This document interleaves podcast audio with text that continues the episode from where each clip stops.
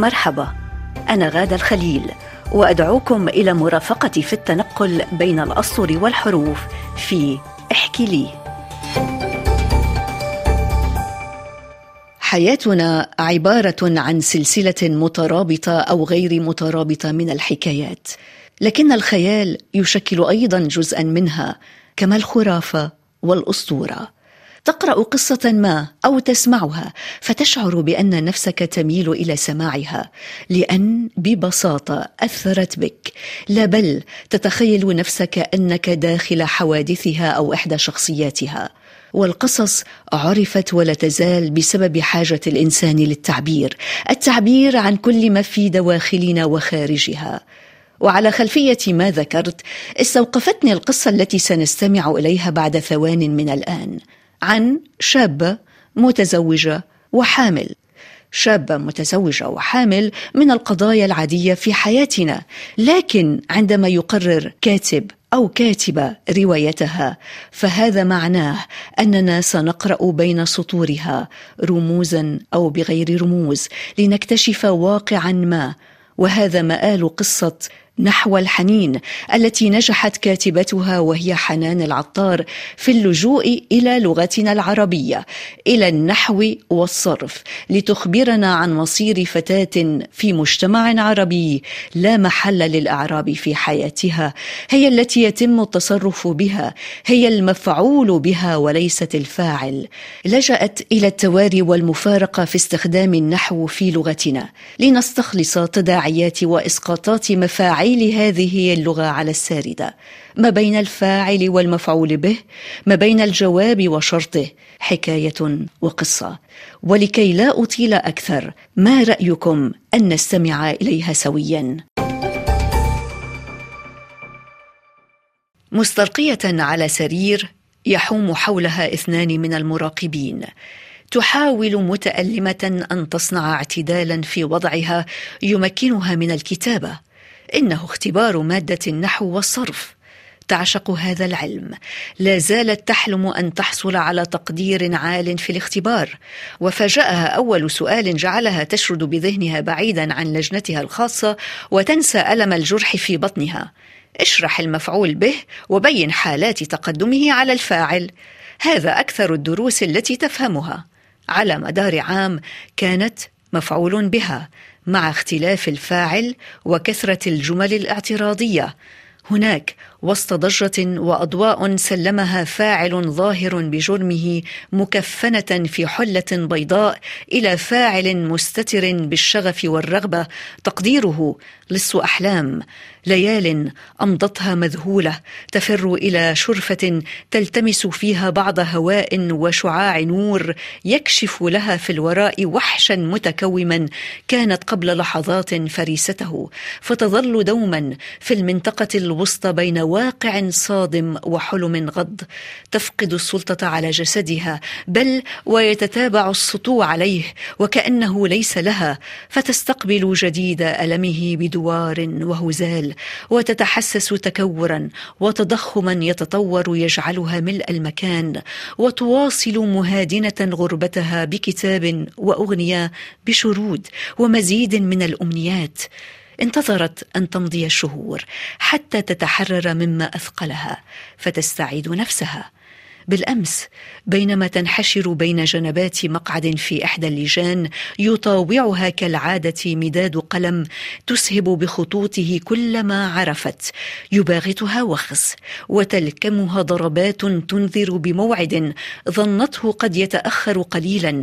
لكن صرخاتها المتلاحقة أكدت صدق الخبر. اياد كثيرة تساعدها على النهوض وأكتف تسندها حتى تخرج. دقائق قليلة داخل سيارة إسعاف وأخرى مرت كانت في قسم الطوارئ تصنع أكبر فعل بكل ما أوتيت من طاقة.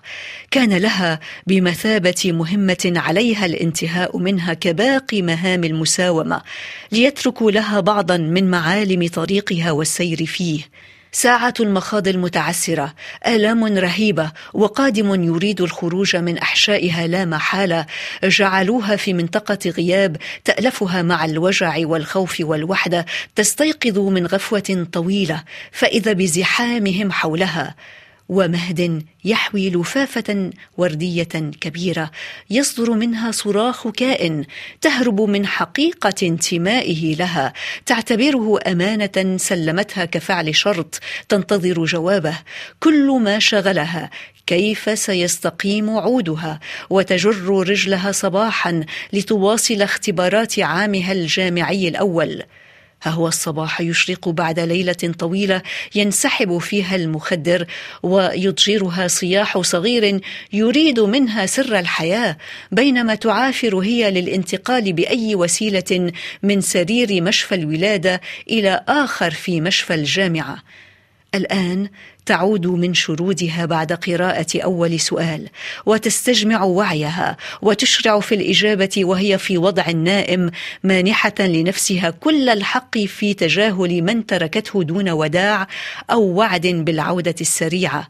فإذا بحبر القلم يعاندها وينسكب للخلف كلما همت للكتابة على حالها فلا تظهر كتاباتها.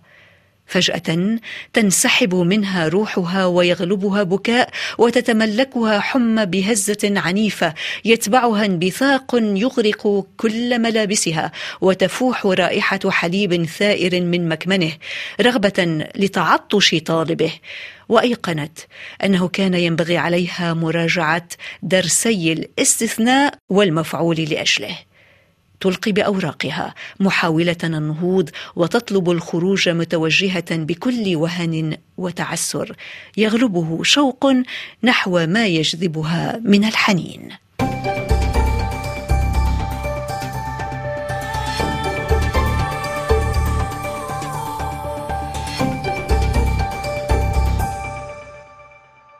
قصة اليوم التي استمعنا إليها بعنوان نحو الحنين لحنان العطار من مصر. معنا هدى الشوى الكاتبة الكويتية. ست هدى ماذا عن ملاحظاتك لقصة اليوم التي استمعنا إليها؟ مرحبا غادة. استوقفتني حقيقة اللعبة اللغوية الذكية في هذا النص نحو الحنين. هناك منحى تجريبي في الشكل في شكل الفني للسرد. فتلجأ الكاتبة حنان العطار في قصتها إلى لعبة المراوغة وترتكز على المفارقة اللغوية العنوان نحو الحنين. هناك مقاربة نحوية بدءا من الجناس في كلمه نحو أو دلالات الكلمة المختلفة. النحو بمعنى الشكل النحوي التراكيب المختلفة الاستعمالات اللغوية المختلفة وأيضا إلى الاقتراب معنى بمعنى الاقتراب نحو الحنين. وهي امرأة كما جاء في النص مهووسة بالكتابة وشغوفة بالبلاغة النحوية والصرفية. وقد تكمن مفارقة في وصف السرد بضمير الغائب للشخصية. يقول النص مستلقية على سرير بمنحها صفة المفعول به كما تقول. وهذه تلميحة ذكية إلى هذا الجنين الذي يتكور في أحشائها شيئا فشيء يستمر هذا السرد الذكي بربط حالة تكوين الجديد بحالة ولادة المعاني والألفاظ والتراكيب النحوية. نعم. هي أعطتنا قصة تلك السيدة على وشك الولادة ولكنها جعلتها أيضا ولادة لغة. ونحن نحتاج إلى ولادة لغة جديدة لغة عربية جديدة تحاكي العصر. واللغة هي تتطور. ولغتنا تتطور ربما هؤلاء الذين لا يحبون الإعراب والنحو والصرف ربما يعني يقولون أن اللغة لا تتطور، لا هي تتطور ودليل على ذلك هذه القصة. إذا بدنا نتحدث قليلا على مضمون هذه القصة هدى الشوى استخدمت الكلمات اللي نحن بنستخدمها بالإعراب المفعول به والفاعل نعم. الشرط وجوابه ولكن اختارتها بإطار انساني جميل يتحدث عن المرأة، المرأة عندما أو الفتاة عندما تجبر على الزواج، عندما مثلا الزوج يكون عنيف معها، تنسى نعم. ألم الجرح في بطنها تقول اشرح المفعول به وبين حالات تقدمه على الفاعل أكثر الدروس التي تفهمها فعلى مدار عام كانت مفعول بها مع اختلاف الفاعل وكثرة الجمل الاعتراضية. والمقصود عندما أجبرت على الزواج تقديره لص أحلام. كمان هون يعني تستخدم اللغة العربية وإعرابها للحديث عن مسألة شخصية إنسانية تعيشها هي هذه السيدة. نعم وافقت تماما غادة. هناك أيضا مفارقة لغوية وتضاد مدهش أيضا في استعمالات الأفعال واستعمالات أيضا الكلمات التي تدل على الأنوثة والذكورة. فكما تقول المفعول به وهذه يعني دلالة إلى الأنثى، الأنثى المفعول نعم. بها. والفاعل، الفاعل هو الذكر ربما تكمن النسوية. أو الخطاب النسوي في هذه القصة. وهذه التقاط ذكية في تضفير الخطاب الأنثوي النسوي داخل النص. نعم طبعا هنا كان في رفض حتى للأمومة لأنه تهرب من حقيقة انتماء الرضيع لها وتعتبره أمانة سلمتها كفعل شرط تنتظر جوابه. ولكن نرجع بنشوف بآخر القصة بأنه لا آه، عاطفة الأم وقلب الأم هو الذي انطفض في النهاية وتركت كل شيء لتذهب إلى هذا الرضيع اللي هو الحنين بالنهاية ويغلبه شوق نحو ما يجذبها من الحنين لنفهم إنه أيضا هي المعبر عن عنوان القصة.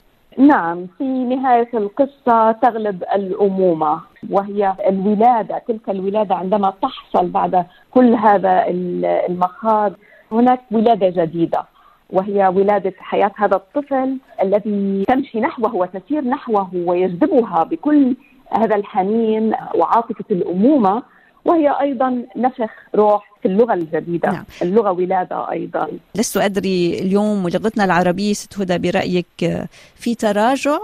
لا أعتقد أنها في تراجع، الحقيقة أنا دائما أنبهر بما أقرأ خاصة من إنتاج الإبداعات الشبابية. هناك ما يشجع ويبعث على كثير من الأمل. أنا متفائلة باللغة ومتفائلة كيف أنها تتجدد وتتغير وهذا النص هو دليل على ما أقوله وما أؤمن به من من أمل للغة العربية ولمستقبل اللغة العربية. إن شاء الله هذا الأمل موجود، شكرا لك هدى الشوا كنت معنا علقتي على قصة اليوم نحو الحنين لحنان العطار من مصر، شكرا للمشاركة من مونتي كارلو الدولية. شكرا غاده.